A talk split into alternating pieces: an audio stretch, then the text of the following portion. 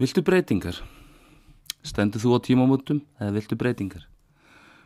Þá getur þú haft gott að því að hlusta á þennan pistil sem ég byrti alltaf reglulega. Þegar við erum að fara í gegnum þráska kreppur í lífinu, breytingar sem getur við fyrstu sín, virst, erfiðar og jáfnvel yfirstíðanlegar, er gott að staldra við og skoða lífsitt. Hvað hef ég lært?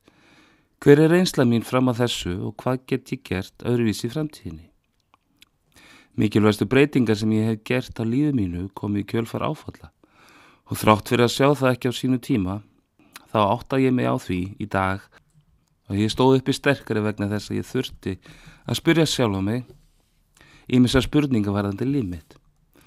Það er nöðsulegt að spyrja sig hvert vil ég fara og hvað vil ég gera. Við ræðist oft breytingar en samt eru það reyna leiðin til framfara. Kanski þarf þetta að fara inn á við um tíma til að eiga tækifæri á að fæðast til hins nýja lífs sem býðu þín. En það er ekki hægt að neyða neitt til sjálfsbreytinga. Við getum alltaf hamlað gegn þeim. Ekki búast við að fá stuðning annar á þessum tíma. Þetta er ferðarlægið þitt sem þú verður að taka á þínum forsendum. Þú þart kannski að láta eitthvað að hendi til að geta lifað hill í sjálfu þér. En í þessari leit þartu að vera meðvitaður um það að það er ekki hægt að gera öllum til geðs. Það er erfitt að festast í þeim vef að reyna að þóknast allt og öllum og sveplast eins og laufi vindi eftir því hvað öðrum kann að finnast eða það sem við telljum að öðrum kunni að finnast um okkur. Þannig er maður ofurseldur áliti annara, eigin hugsunum og tilfinningum og finnst maður aldrei gera nógu vel. Sérstu tilbúin, þá skaltu hlusta á umhverju þitt og læra að laga þig að þeim skapandi krafti sem er allt í kringu þig. Þegar við skoðum hverjum við viljum breyta er mikilvægt að vera ekki í viðmöðum við aðra. Þú getur alltaf fundið einhvern sem er verð eða betur statur en þú. Þess vegna þarf það að vita hvað þú vilt fyrir þig, burt sér frá hvað öðrum gæti þótt um það.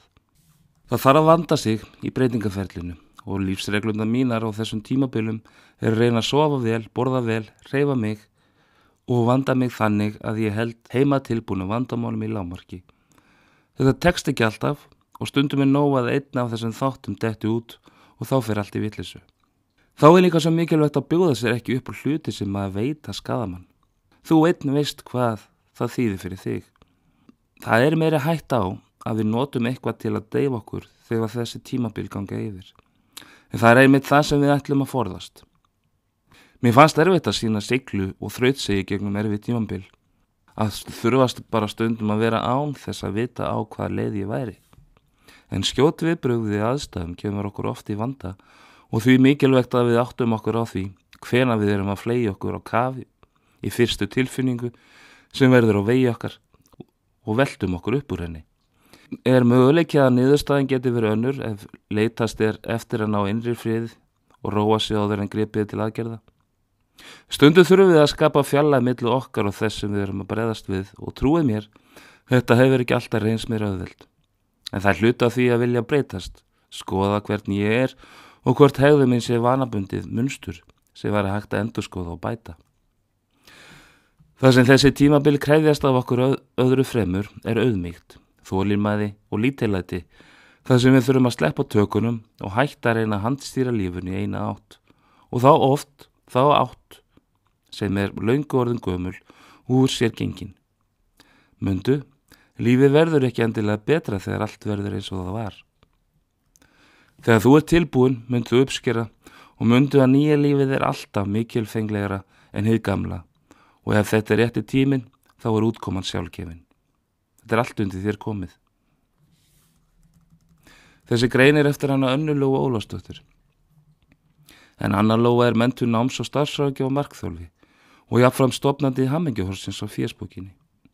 Í Hammingjuhotninu eru fróðulegir og innihaldsríki pislar um þætti sem snúað samskiptum persónulegun áskorunum og lífsins leindadómum. Ég hveti ykkur eindriðið til að kynna ykkur síðuna hennar en hún leiði þú skiptir máli podcastinu að nota greinar eftir sig og þökku við henni afar vel fyrir það.